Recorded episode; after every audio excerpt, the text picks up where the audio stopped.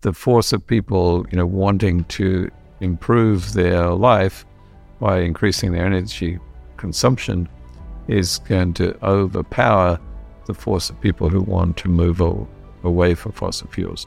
The expectation of what, how much out, you know, how much energy consumption you need, or how much energy generation you need to be a modern nation, I think that number will shrink yeah. as we go forward. I mean, it, it really has to if the population of the planet keeps on increasing, because eventually, you know, there isn't going to be enough. I mean, even now there isn't enough.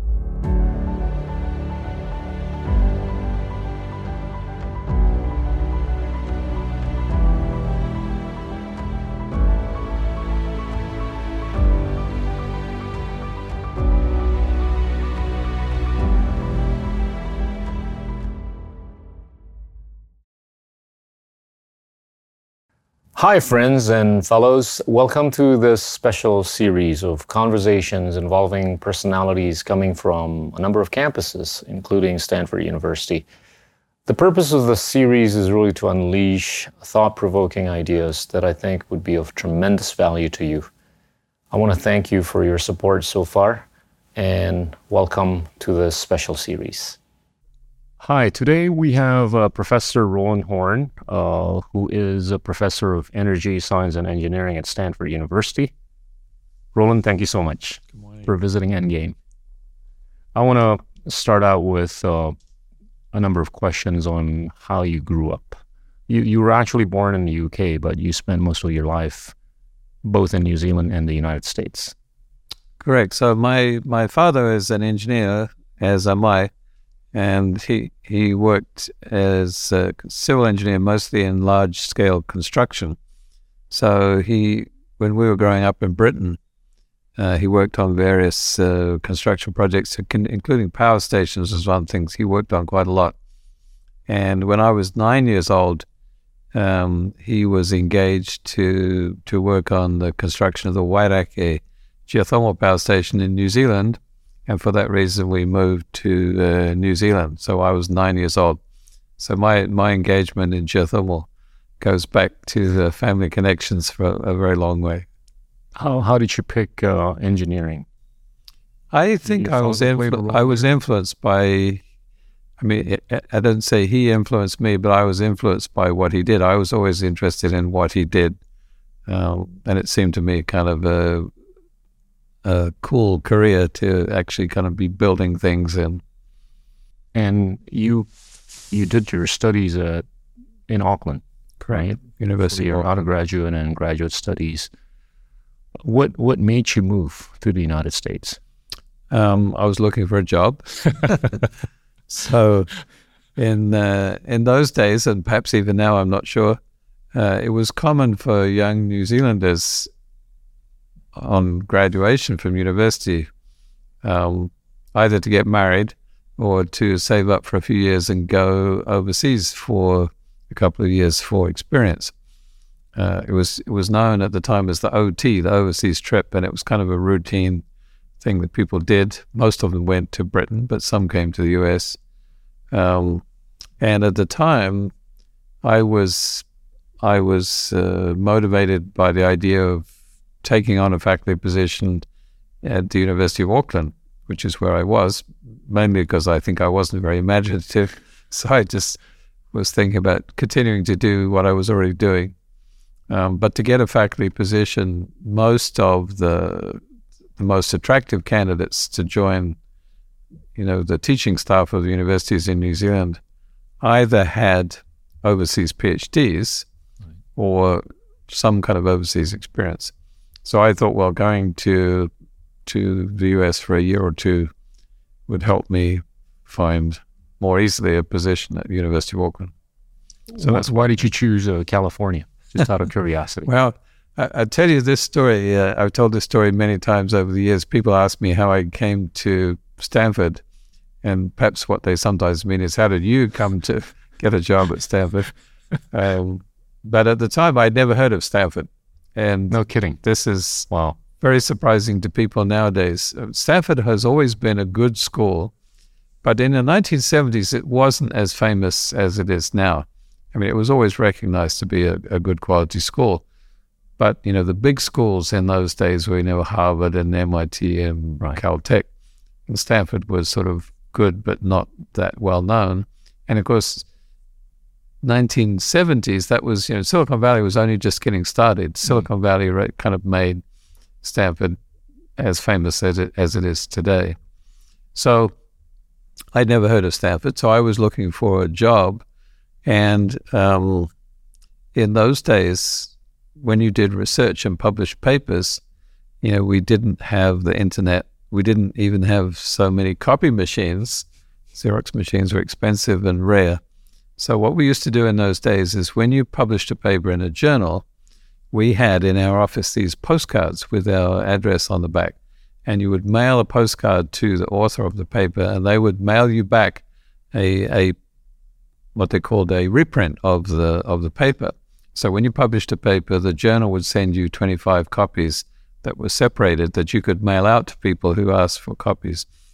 So I had published a paper while I was a graduate student in Auckland. One of the best papers I ever wrote, by the way. it was a good one.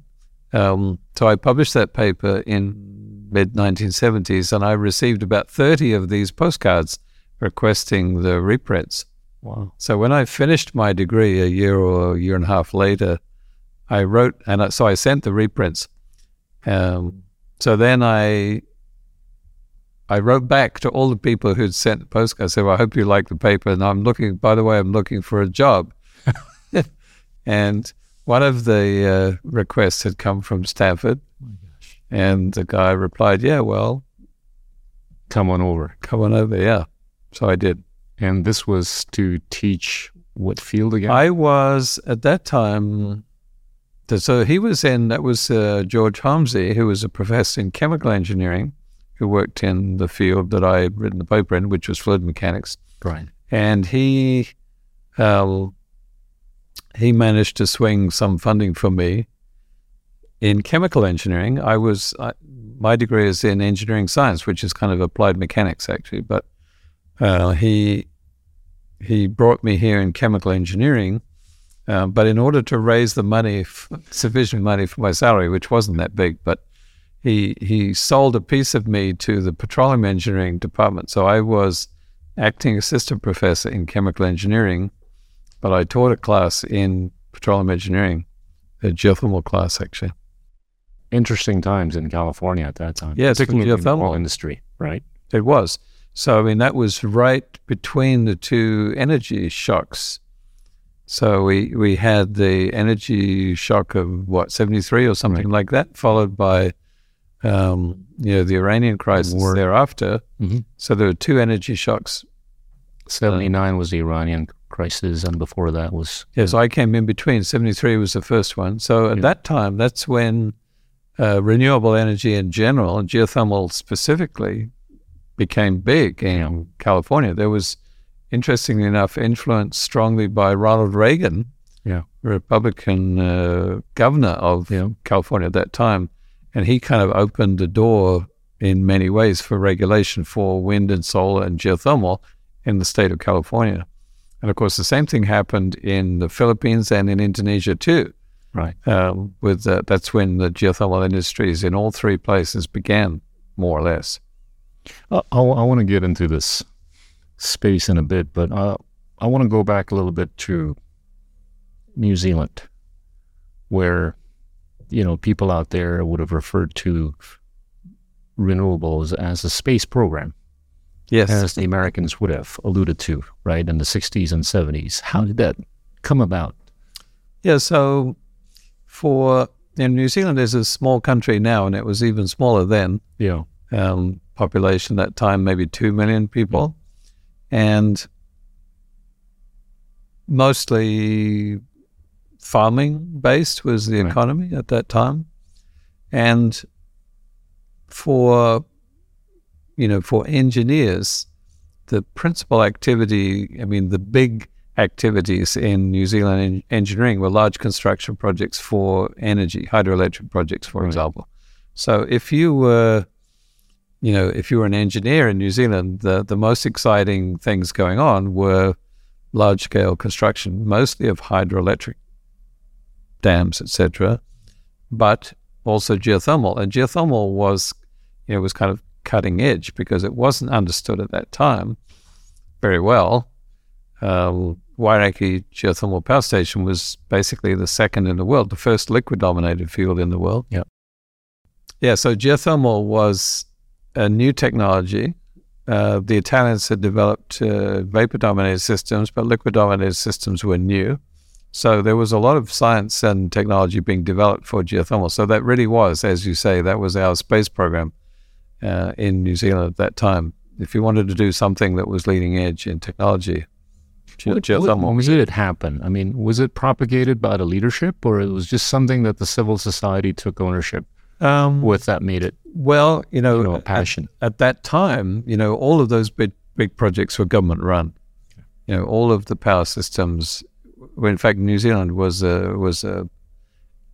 It's perhaps incorrect to call it a socialist country. It was a welfare state, but it was. Um, the government was really the only institution big enough to undertake large projects, uh, and so they all were. And all of the electrical generation and reticulation system was all government run. So I, I don't know at what point they began um, interest in geothermal. I mean, they, they've been building large hydroelectric projects for some time and continued to do so after that as well. But somewhere along the line, somebody thought geothermal might be a good idea and undertook that. It's, it's very curious because the, the economics would have been very compelling for the other alternatives, right? Well, Was there? you know, there were Mm. the, the hydroelectric projects in New Zealand are very large scale. I mean, they were moving, you know, rivers and, and Yeah. and uh, water through tunnels and dams. I mean, they were very large scale projects and continued to be so. One of the peculiar things about uh, the Wairakei geothermal development was that it grew actually from um, the British nuclear Mm. program. So the Wairakei power station had a three stages of turbine. Ultimately, had three stages of turbine: high pressure, intermediate pressure, and low pressure. And in the original design, the intermediate stage was intended to be a heavy water generation plant to provide heavy water for the British nuclear program. And by the time they eventually constructed it, the uh, the heavy water moderated reactors were no longer, you know, required. So they replaced the heavy water plant with the intermediate stage uh, steam turbine. So whether or not it was originated by you know the British nuclear program, I'm not quite sure, but they were certainly part of it in its initial you know discussion and design. And oil, gas, or coal were never part of the conversation. No, At any so that was in the late 50s and. 60s. So oil and gas was sort of considered to be, you know, just available at that time. New Zealand had some coal and even a little bit of oil, but at that time, oil and gas was not part of our of our economy. You know, you've got what renewables making up about eighty percent of the energy mix. Correct. Is that likely to go to hundred percent? Um, I imagine so. So Okay. you know, there's a large scale um, coal plant in New Zealand. I think just one. There is coal in New Zealand, but that that's more than 30 years old now, and I It's probably can't see be- much enthusiasm for that. And in actual fact, in the 70s, they discovered a quite considerable natural gas field, two of them actually, uh, offshore uh, the North Island. And so they reticulated that gas to city gas in Auckland and Wellington, and the pipeline went past that newly built coal-fired power plant, and they converted it to natural gas. So it only started burning coal, surprisingly, in the last ten years or so, as the natural gas is being run down. So that those natural gas fields are reaching end of life.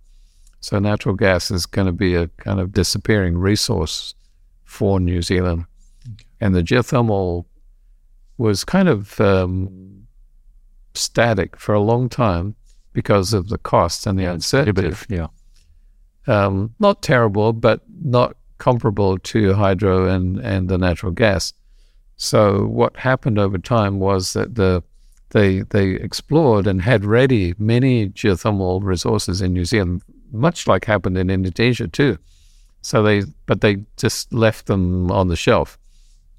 But starting in 2000 or so, they started then, you know, re the, sort of revitalizing the industry, and a lot of geothermal resources were have been built in New Zealand over the last 20 years. It's expanded quite a lot, up to 20, 22, 23 percent of the total power. Wow! And the rem- the remainder of the 80 percent, as you referred to, of renewable is almost all hydro, a little bit of wind, a uh, little bit of solar, but not a large amount. Let's. I want to take this to a, a, more macro level in the context of the trilemma amongst climate crisis, energy crisis, and economic crisis. What What are your views about where we're headed going forward in the world as to as to achieve sustainability? Yeah. So that's that's a pretty broad question, but you know we can deep dive. I um, I can largely only speak to the energy market. I mean, mm-hmm. obviously, there's food and water and a lot of other things right. that are equally important, if not more so. But um, speaking about the energy field, so we have, as you know, uh, primary energy of the planet is two thirds at least fossil fuels. Right. So all of that has to be replaced um, before we can achieve, you know, either sustainability or uh, address climate change. Um, and exactly how to do that is not clear, even to I think energy professionals.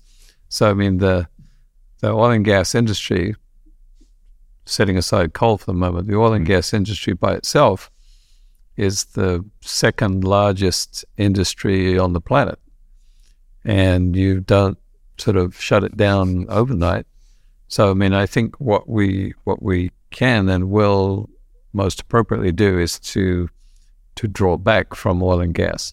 Yeah. So it will it will it will be replaced uh, piece by piece over the next I don't know how long, but probably a hundred years.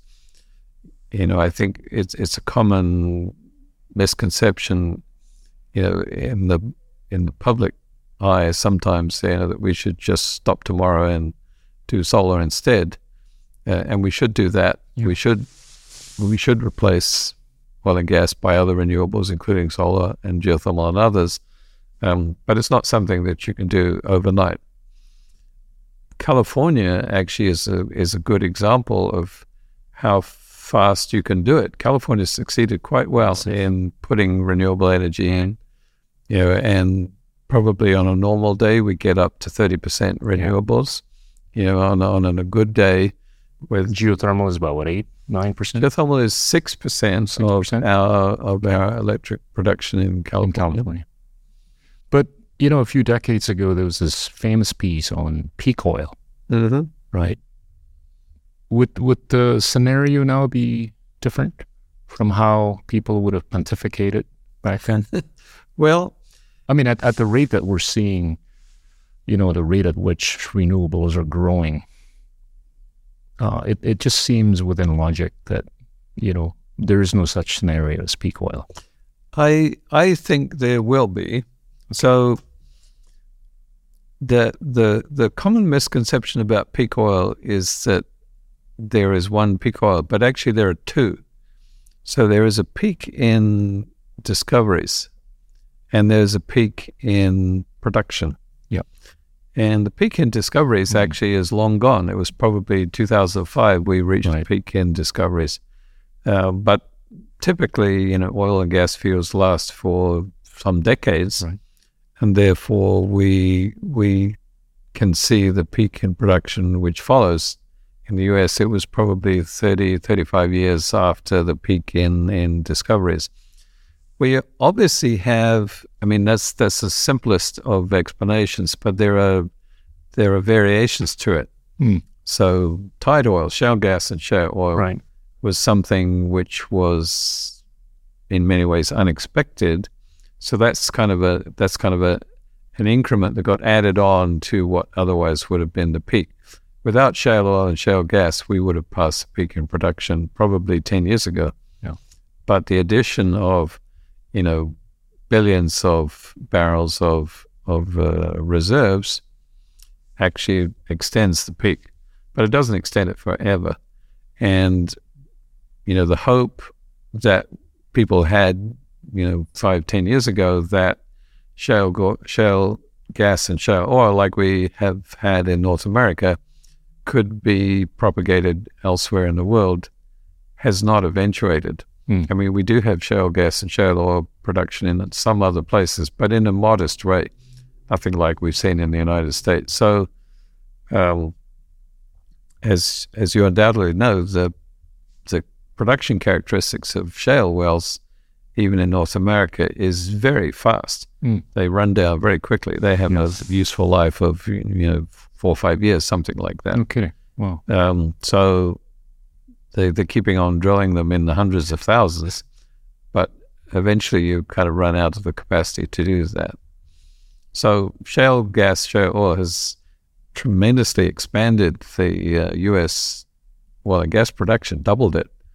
Um, however, it's it, it's not sustainable. Um, Well, they seem to have been able to bring costs down, right?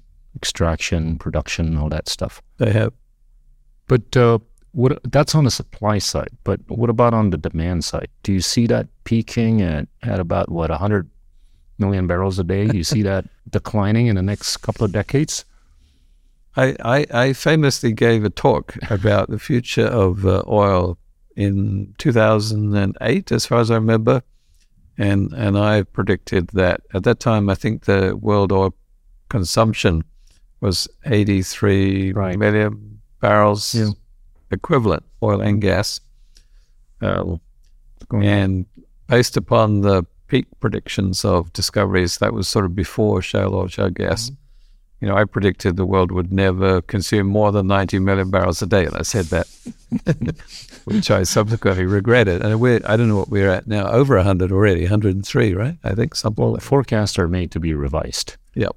So I don't see um, an expectation that the consumption demand will will kind of overpass the supply. Mm. And, and I know others have said other than that. You know, people have said, well, you know, all of the oil is going to be stranded in the ground because nobody's going to want to buy it. Um, but I honestly don't see that happening. I mean, it could well be that in some societies, you know, it comes to be considered unacceptable to use oil and gas. I mean, we're sort of moving that way in California. Um, however, it's a very large ship to turn. You know, here in Palo Alto, you know, 35% of the vehicles sold in electric. last year were, yeah, electric or plug-ins of some kind Right. um, which is great. Mm.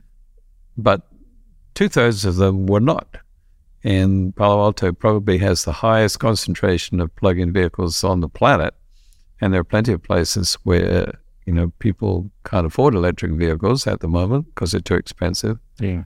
Um, and there are many places where um, you have people, you know, moving out of poverty into the middle class.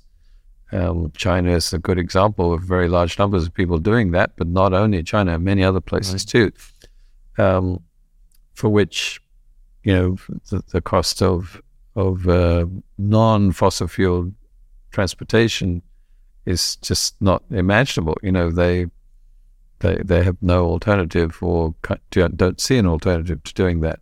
So as we have billions of people, you know, moving up the economic scale, that I think will increase demand, not reduce it. So even though there are there are places, you know, of more forward-thinking people who will move in that direction, there are there are a large fraction of the population of the planet doesn't have that choice or doesn't see that choice or doesn't choose to make that choice. So I, I think we will exceed 100 million barrels of oil production for some time and probably increase more from where we're at.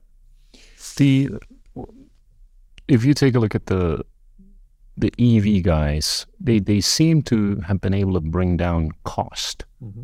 quite significantly in the last ten years. Yes, battery cost in particular. Some some even have broken the parity with. ICE, right? And it it seems that it's going to continue to come down. So it it would boil down to the economics, right?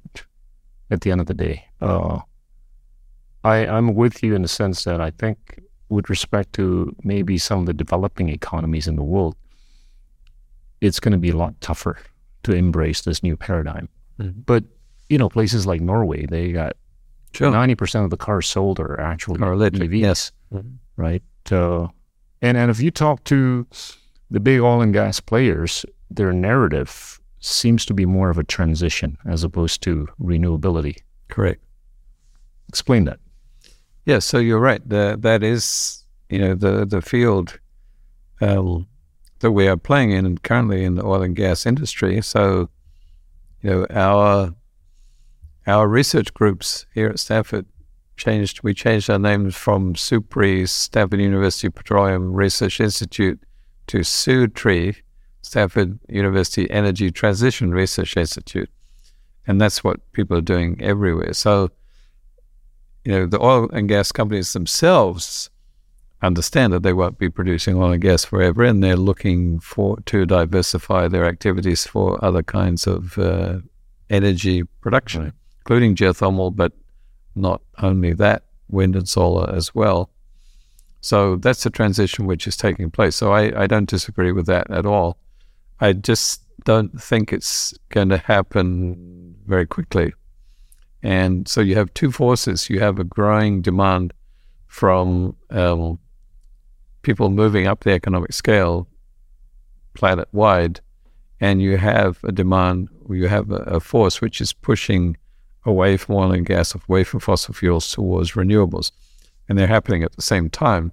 I think, however, at the moment at least, and probably for, you know, a little time, I don't know how long, 10 years maybe, the force of people, you know, wanting to improve their life by increasing their energy consumption is going to overpower the force of people who want to move away from fossil fuels. But there's no there's no question in my mind that that's ultimately going to happen, and it's going to be driven by, um, you know, legislation like in Europe, for example, California too. You know, no more internal combustion engine vehicles after a certain period of time. So that will that will dampen the demand. However, I mean, you recognize what will happen is that if if uh, oil and gas is less demanded, the price will drop. Once the price drops, then you know the the uh, the burgeoning economies of the world will sort of swoop in and you know, demand more. So it's a it's a it's a regulating system. It will work on both sides. You know, if if we take a look at most of the developing economies, they're, they're structurally limited in terms of their fiscal space, mm-hmm. right? If if anybody within that camp of developing economies, they want to encourage a lot more people to adopt this new paradigm. Uh, I just don't see them structurally being able to fiscally support because you know with the developed economies uh, there's been a serious degree of subsidization mm-hmm. by the governments right uh, for people to adopt this new paradigm uh, so at the end of the day it's going to boil down to the cost structure of either alternative but but I'm I'm somewhat optimistic in the sense that technological innovations to assure a much more efficient you know renewable alternative uh, is there you know, uh, it's it's in the horizon. Yeah, I, I, I, agree. I mean, I think the technology is un- undoubtedly there, and it's getting better and it's getting mm. cheaper. So we're we're on a we're on a, we're on a good path. Yeah. in that direction. Uh, it's simply a large problem to overcome if you have to do it nationwide and planet wide. Right. Uh, I mean, I do remember the first times, you know, going to Indonesia, you know, 30 years ago, it was just considered normal that every, you know, large office building or facility had its own diesel generator. Yeah. Because they they they couldn't rely on the infrastructure for electricity to, you know, um, transmission. Right. Uh, within the renewable space, uh, you you alluded to the fact that in California, hydro was not legally classified as renewable. Correct. That's true in many parts of North America and, and in other countries too. Why is that? um, I, I think it's political as much as anything. So during the 70s, when the governments were encouraging renewable energy development, they did it with um, yeah, with fee tax rebates and fee reductions and things like that to encourage uh, new renewable developments. And uh, the honest answer is I don't know why, but my, this is my my speculation was that at the time there were many and still are many large hydroelectric projects. So the people who own them said, uh, you know, could have said, okay, we're renewable, you know, give us the rebates.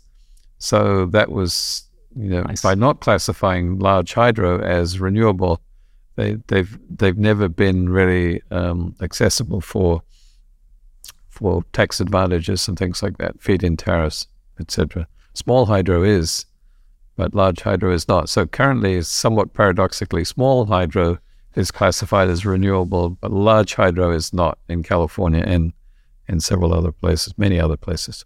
Talk about the landscape within renewables. You've got hydro, you've got solar, wind, geothermal, and all that good stuff. How are the dynamics amongst these, and, and how do you see them moving forward? So they don't compete. Um, if, if, you know by dynamic, dynamics you mean sort of market dynamics, they which is likely to grow more than the oh, other. Um, interesting question. So they have different characteristics. So solar is intermittent on a more or less yeah. predictable fashion, you know, yeah. night and day. Uh, wind is intermittent on a less predictable fashion, but based upon the weather. And actually, hydro is kind of intermittent too, on the decade scale that we have uh, in California, at least. You know, we've had drought for the last three years, so hydro has really dropped considerably. Then we have a big old rain like we just had and then hydro is looking good again. So we have these different levels of intermittency. And what that means is that no one of those resources can can satisfy the market by itself. And what we need is all of them at the same time. Mm. Geothermal, of course, runs all of the time. So the combination of those various renewable resources is a is a good thing. It's a necessary thing for the grid to actually work. Um, in terms of how they develop, what we have seen over the last few years. You know, solar has grown cheaper and cheaper, mm. and that's the reason why it's expanded as rapidly as it has. Mm-hmm. Um, however, we're coming now. We've already reached a point now where California, at least, is kind of saturated with solar. So, you know, at one o'clock in the afternoon on a sunny day, we have more more electricity than we can use, uh, to the point the price can go negative. Right. So solar is kind of maxed out in its classic format, and the technology now required to make more solar is storage, currently based upon batteries. Right. So solar now joins the you know is joined in a partnership with battery storage to to keep the keep that kind of growth curve. But that of course makes it more expensive. Right. And if you have a if you build a solar farm that you can't run all of the time because you've got excess during the middle of the day, then of course that lowers the income from it and it increases the cost. So again, it's a kind of a self-regulating market that once you uh, when you get past the point that you're generating electricity that you can no longer sell, you know, then it its costs go up to the point that you don't build anymore. Uh, wind has increased. Actually, wind grew first in California mm. because at the time it was cheaper than solar, but wind has kind of leveled off somewhat too. Um, I think mostly in competition with competition from solar, which became cheaper. So that kind of crimped somewhat the enthusiasm or the expansion for wind. Um, but as the as the as the cost levels kind of uh, go up and down, you know, wind obviously has still capacity to be built further in California and many other places too. You know, if if you know, on the assumption that some of these renewables are actually intermittent in nature. That makes it difficult for supply and demand to intersect. Yes. Right. And and I was talking to some people the other day who are thinking of, you know, taking advantage of this scenario. This could be a tradable commodity, Mm. right? And and how real is that? I think it's I think it's actually working that way already. So Okay. you know, there are people on the market who you know will have a uh, peaker plant, gas peaker Yeah. plant, with no other idea in mind that they may run it, you know, for an hour every couple of days just to fill in a gap somewhere and get you know, um, five dollars a kilowatt hour for the, you know, just filling in a gap when it's most needed. So there are people who are who- are making Right. bets on gaps in the market. You can actually approach anybody with a wind turbine, anybody with a solar panel, even anybody with an EV, to the extent that there's excess energy. Let that be redistributed, Mm-hmm. you know, for other purposes and stuff like that. And and, and that that I think is is a not sure if that's an exciting future, but that's that's something that that that probably needs to be thought of. Certainly, yeah. I mean, Yeah. the integration with EVs in particular. So, if we substitute all of internal combustion engine cars with EVs, then we you have a, a significant demand for electricity in order to make that work. You know, not an overwhelming demand. It's not as big as actually people imagine it to be. However, it's large. So, from that point of view, you have to think about when when you're going to actually charge those vehicles. And it's obviously a good time to do it would be at one o'clock in the afternoon when Mm. solar is at a max. Unfortunately, that's not when people want to charge their EVs. you know, it's most convenient to pull in the garage at night and plug it in at 6 p.m., which of course is actually the peak demand for electricity. Um, it used to be, interestingly enough, um, 10 years ago, uh, PG&E, who supplies electricity to the northern, not Right. us here, but a bit north of here, San Francisco, they introduced, uh, you know, time of day pricing on their, on uh, their grid. And people who had EVs could program their cars. They plug them in, but they program not to start charging until midnight. So after midnight, PG&E actually sold the power at a lower price because the demand was low. You know, they had had plenty of capacity on the grid. That is no longer true. So the you know the the cheapest price is not after midnight. I actually don't know what PG&E sells for now, but you know, in the middle of the day, you know, on the on the statewide grid, Right. we can have negative pricing. That's when the cars should be charging, but unfortunately, they're not at home at that time. I, want to ask you about the grid. Uh, what what the consequences are with respect to the grid in the context of how we're seeing solar growing so fast and how it's getting democratized, Mm-hmm. right? To the extent that it's going to get so much more democratized, the need for the grid will decline. And to the extent that even geothermal, you know, geothermal heat pump capabilities get a lot more democratized mm-hmm. within residential areas, at least, then the need for the grid is also going to decline. Well, the need for the grid will change, that's for sure, in, in its character. So, currently in California, the solar, so called behind the meter solar, Yeah. which is people's rooftops, you know, they're, they're generating electricity, but it's not coming through their electricity meter, or if it does, it goes in the other Yeah. direction, um, is more or less similar in, in capacity to the grid connected solar it's somewhat less, but anyway, they're the same magnitude. So there's a lot of behind the meter solar which is belonging to individuals or is supplied anyway directly to individuals. Uh, and from that point of view, you're right, they don't need the grid. However, um, that's only eight hours of the day. So there are two reasons why we still need the grid. One of them is because people who are generating rooftop solar need to be supplied um, for the remainder of the day. And then, secondly, we need the grid to take advantage of the excess electricity that those distributed sources are actually generating.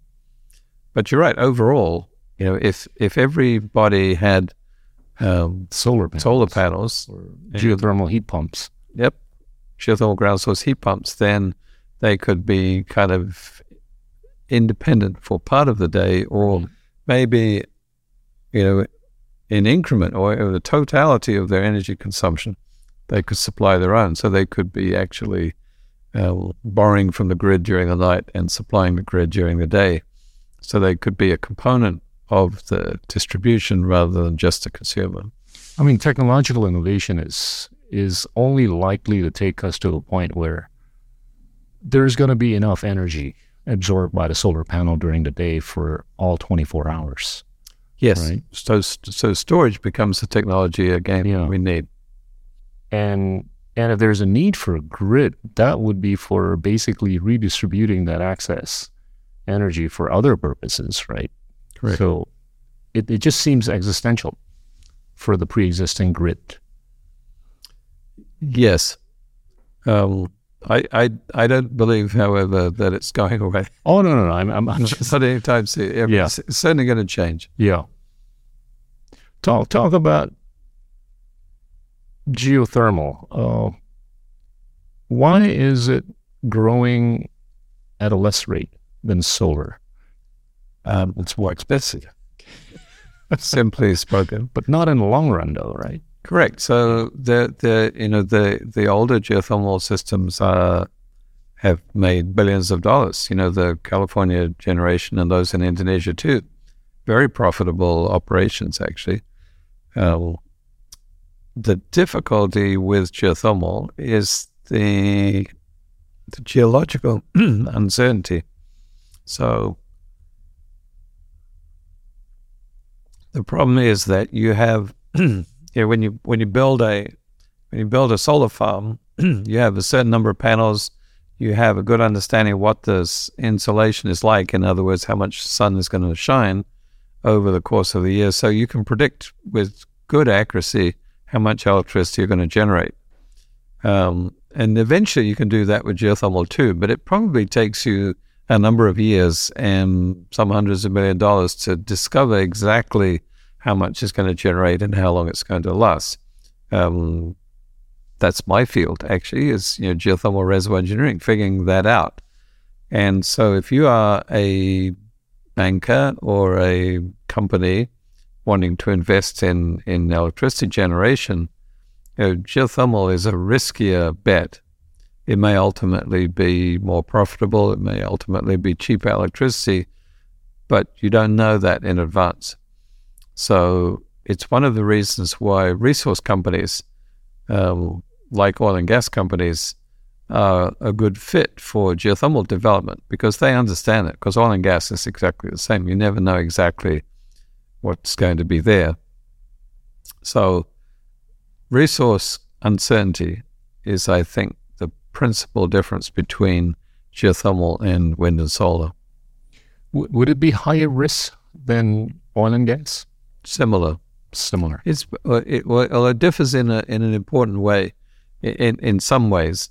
So if you if you're in an onshore environment in oil and gas, you know, you drill a well, you find some oil, you know, you can sell it for hundred dollars a barrel tomorrow. Yeah. So then you have an income stream. Uh, geothermal isn't that way. So you can drill a well, you find some steam, you have potential to generate electricity. However, you can't sell it yet so you have to drill, you know, 20, 30 more wells, and you have to spend two, three hundred million dollars to build a power plant and a steam gathering system, etc., before you can make any money. So your your upfront cost, your capital investment has to be upfront, and it has to be paid up two, three years in advance before you can actually start taking income. How much is in terms of capacity installed already? Would it be like what in the tens of thousands of megawatts around in the, world? world? I think um, 12,000 megawatts is our current capacity, if I remember correctly. And the biggest would be in the US. Yes, US is 3,000. Indonesia is in excess of 2,000. Philippines, 2,000 also. Okay. And Indonesia is the largest geothermal resource, or has the largest. Yes, potentially. Mm-hmm. Okay. What what would it take for countries like Indonesia, you think, to jump on this bandwagon? Capital. I think the only thing that's holding the only thing that's holding Indonesia back is you know access to large amounts of capital. I mean, obviously, if you're the government of Indonesia, you have you know many things that you need to spend your capital on. You know, you're a large population. You've got to think about food and transportation, etc. So, you know, I'm sure there's plenty of capital in the nation, but it's a question of prioritizing what you're going to spend it on. Well, there's capital, but there's a lot more capital outside Indonesia. Yes, I'm sure that's true. My my my question is with respect to what would it take for all kinds of capital to participate so that you know it does become you know a pretty successful narrative from a sustainability standpoint I well that's a that's a financial question to which I'm not really expert to answer but I think that what other countries have done usefully right. and of course Indonesia did this too um, both in oil and gas and in geothermal is to bring in um, outside you know concessionaires who provided the capital and developed the resource and then uh, receive you know income from it. You know, it's a it's a structured arrangement, but it means then you have outside agencies who have the capital right. that you don't have to supply it for yourself. It's obviously advantageous ultimately on a successful project if you supply your own capital. However, if you've got someone else who takes the risk in a build, operate, transfer way, um, that can be very effective. That's been done. It has been done in Indonesia. Wayang Windu is an example. Right. To what extent would tariff matter? I'm sure that helps a lot too. So, you know, built-in tariffs are the mechanism that have been used in many countries, Japan, Germany, Philippines. To, yes, yeah. to develop geothermal. The, the US doesn't do it quite that way. Production tax credit is how it's done here, but that's worked well as well you know, starting 10 years ago when production tax credit first got applied to geothermal, that, that, that sort of accelerated development a lot. And of course, production tax credit was supplied to uh, wind and solar before that. And that's, I'm sure, contributed to the expansion that we've seen there too. I mean, some of the international capital holders and technology holders have decided not to stay in mm-hmm. places like Indonesia. Uh, one one argument would have been tariff related, uh, in the sense that it's not as perhaps appealing as in some other countries.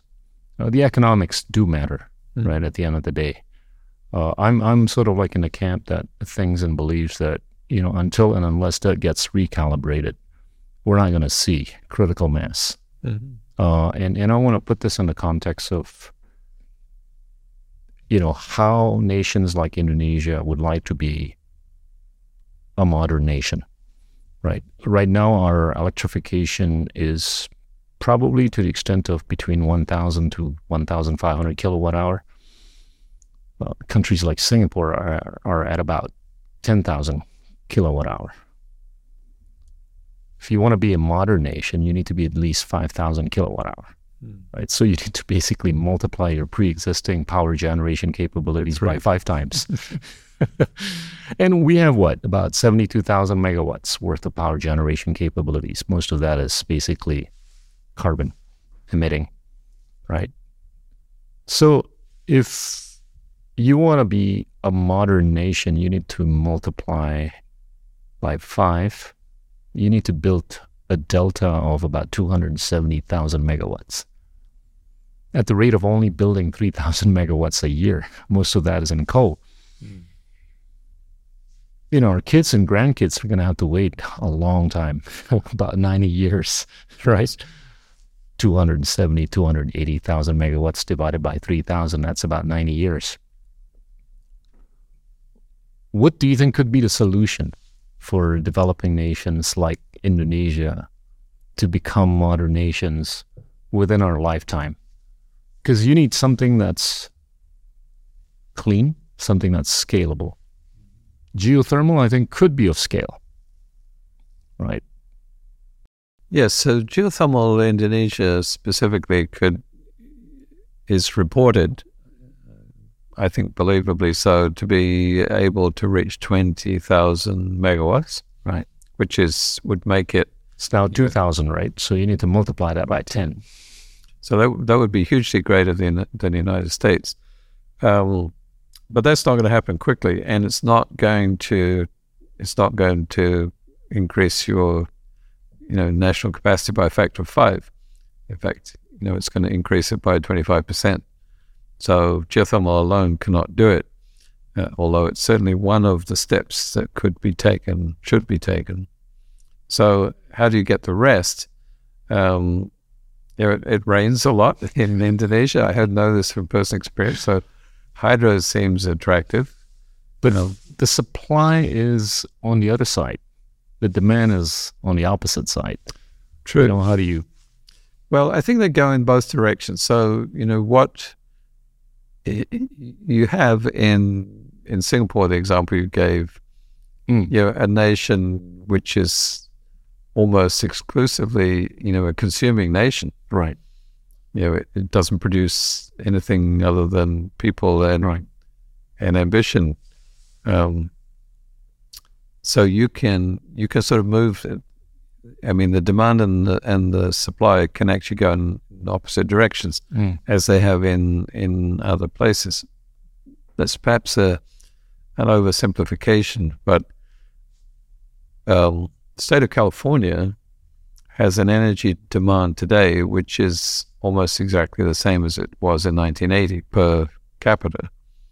Um, the rest of the United States is double today what it was in 1980. So, California, by regulation as well as by culture, if you like, has stabilized its energy demand at a specific level, more or less, roughly speaking. Um, perhaps in the future, we can start to take it downwards. So therefore, the expectation of what how much you know how much energy consumption you need or how much energy generation you need to be a modern nation, I think that number will shrink yeah. as we go forward. I mean, it, it really has to if the population of the planet keeps on increasing because eventually, you know, there isn't going to be enough. I mean, even now there isn't enough. So demand will go down, not hugely, but anyway, it will creep downwards. It's still going to be of kilojoules, right? And the, and the production has to right has to increase. So I want to. I've been holding back on this word called nuclear because that that's something that somehow a lot of people around the world are afraid to mention right? And and I just see that as as a possible alternative in terms of scale and mm-hmm. cleanliness. And put that in the context of what we have to achieve by 2050, 2040, 2030, uh, Uh, 2050, you know, carbon neutrality, absolute carbon neutrality. We're just not going to get there until and unless we do something a little bit different, if not starkly different from, you know, pre-existing paradigms. We we need for sure a huge amount, a tremendous amount of energy production which is not fossil fuel generated. Yeah. From somewhere. Okay, and the number of alternatives for that are few, uh, and nuclear is one of them. Um, at the same time, so that's that's that's the economic and the sort of the engineering answer. You know, but we also have to consider the social aspect of it as well. Um, so, however sensible an idea nuclear is, you know, there are many people willing to reject sensible ideas for for various reasons of their own. Um, we have not. I mean, the United States has sort of gone full circle twice on nuclear. There was, you know, tremendous enthusiasm in the 60s and 70s, 100 nuclear reactors running in the United States. Um, but the last one was built in the 1970s. And then uh, the the reaction against them built up to the point that they no longer became viable. Three Mile Island was right. a turning point. Um, but starting in the 2000 to 2000s, before 2010, you know, nuclear started coming back on the table. You know, companies were making plans to to actually, you know what I'm talking about. They were making plans to actually build new nuclear power plants in the United States. Um, until 2011, which was Fukushima. And suddenly all of the enthusiasm instantly disappeared. And of course, not only in the United States, but in other countries too, Germany. Um, right. And even in France, which depends critically. 70%. Yeah, 70% nuclear. And they've done okay. Uh, but even there, you know, they, they had some very innovative ideas for fast breeder reactors, which ultimately got crimped actually before Fukushima. You know, the data that I've looked at suggests that, you know, the, the number of casualties by way of nuclear in the last few decades would have been about three to 4,000 people per year mm-hmm. compared to air pollution, which would have caused about seven to eight million deaths Correct. per year. Uh, however, I just don't see any practical solution for a lot of developing countries out there until and unless we start thinking about game changing the pre existing energy equation. And that inevitably would have to involve a nuclear narrative. Unless we want to wait 90 years to become a modern nation. I, I think that's true from an engineering technological standpoint. That's true. Um, you, you know, the, we face this this problem in, in almost all technologies, including including um, geothermal. You know, there's strong resistance against geothermal in some countries, Japan right. being one of them, um, because of the concern about the loss of hot water production mm. for spas and hotels or whatever, which people care about a lot. In in in other places in Europe, the concern is induced seismicity. So there are technological or, or social concerns against many of these technologies that cause them to be slowed down. Mm. Um, to an engineer like me, what that means is, you know, ad- address the technological challenges. You don't just say, okay, well, that's horrible, forget about that, unless you got some suitable alternative, which I don't think we do. And I think nuclear is in that category too. Uh, well, technologically, there needs to be solutions for the challenges that people are concerned about. Whether or not those will be sufficient to kind of uh, pacify people's concerns, I'm not so sure about. I, I was in Tokyo on in March of 2011 and saw Fukushima nuclear plant explode on live TV. And I have to tell you, that was one of pretty scary. One of the scariest moments of my life, knowing it was 200 kilometers from where I was at the time. I went there just a couple of months to see the the the consequences. But uh, yeah, I'm I'm just you know sort of like spinning my head on how do we make sure that this planet becomes more environmentally friendly. I mean, we become more environmentally friendly with the planet and how we modernize properly. Because there's, you know, we're not Norway, we're not mm. the United States. I mean, there's a lot of people in the world that are like, you know, countries like Indonesia. How many times have you been to Indonesia? Uh, I do remember. I used to go once a year, probably thirty times. I don't remember. Tell tell us what what would have been the most interesting moment you had? I mean, you've taught there a couple of times, right?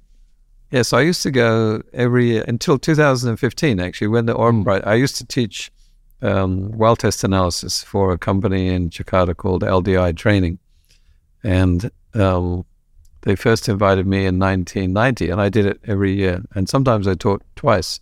Wow. I taught a geothermal class as well. Used to always be in Jakarta, subsequently in Bandung. A couple of times I taught in Yogyakarta and Bali as well. But one of the most one of the most interesting experiences I had was um, they they used to always use the Hilton, actually no longer called the Hilton in Jakarta. Yeah. Um, but on on one particular occasion, the Hilton was full when they wanted to have the course, and they had it instead in the uh, one of the other big hotels, uh, Shangri La, Okay. something like that. Anyway, they had they had a a, a nightclub in that Shangri La, and again, I don't know what was going on in Jakarta that summer, but there was a, all of the hotels are booked, and all of the meeting rooms in the Shangri La was also booked. So they had the course in the nightclub. so, because it I'm wasn't sure everybody was paying attention. during the daytime. Of course, they weren't otherwise using it.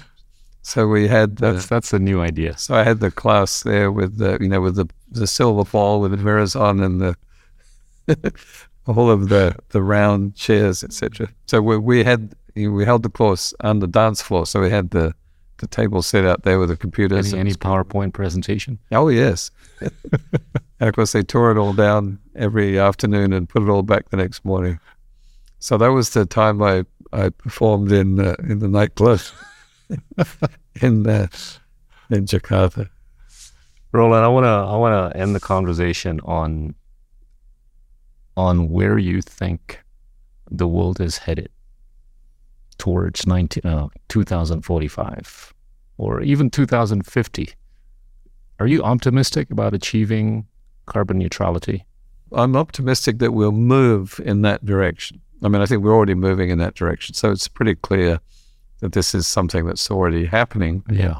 Um, I don't honestly believe we're going to reach neutrality by 2050. Yeah. That's that's too soon. But I think we can have a good shot at it. I mean, that said, don't mistake what I'm saying here. I think we should strive for, we should target 2050 for carbon neutrality. I mean, I think regulation, people's uh, behavior, etc., should be targeting that. Um, actually achieving it, however, I think is going to be more difficult. What would it take? I, I'm in a camp that believes that it's more about technology as opposed to policy. I, I think there are three components there's technology, there's policy, and also human behavior. And, Hmm. you know, the vector on human behavior has not been good over the last five years. You know, people are, are growing more extreme in both directions. And that's not a good sign for reaching consensus and moving in a positive direction. You know, where where you know a good idea like phasing out uh, internal combustion engine vehicles is propagated in one state, and in response to that, another state introduces legislation to ban electric vehicles, simply just for spite. You know, so this kind of uh, this kind of reaction is not helpful, and you know the moving towards the two extremes is holding us away from a you know an advantageous middle, Hmm. which is probably what we need to get to where we need to go. Where, where do you see the mix of renewables heading to in 2045? Will that still be filled mostly with solar or a lot more about Probably. geothermal and hydro and I think all, all of the above. I mean, I think mm. the, the cutting edge that we're, or the leading edge that we're we're at right now is based upon storage. Yeah. So the technology we need now is storage. Storage actually, you know, enables Yeah. all of those renewables and any others that any people may come up with. So how that works is probably a combination of things: be grid connected storage, be you know people with with big batteries in their garage that you know will keep their lights on overnight. Do you see planes being electric in the near foreseeable future? Ships, Um, ships, boats. ships. Well, boats will be a lot easier, but Yeah, ships could, you know, transportation by ocean could certainly be uh, done differently. You know, even sail yeah, uh, the way we used to do it is is not a bad idea at all. Um, planes are obviously a lot harder, but um, you know, people are, are producing electric planes right. All small ones already. you know, biofuel powered planes Right. certainly is feasible. Yeah. You see a trans Atlantic, trans Pacific airplane being electrified Um, in the next, what, 30 years? I, I don't, but I'm I'm quite sure that there's people who are smarter than I working on that. I mean, I you know, never say never. Yeah. I mean, I think what what we're likely to see ultimately, we're seeing it already, is a movement away from you know transatlantic, transpacific travel.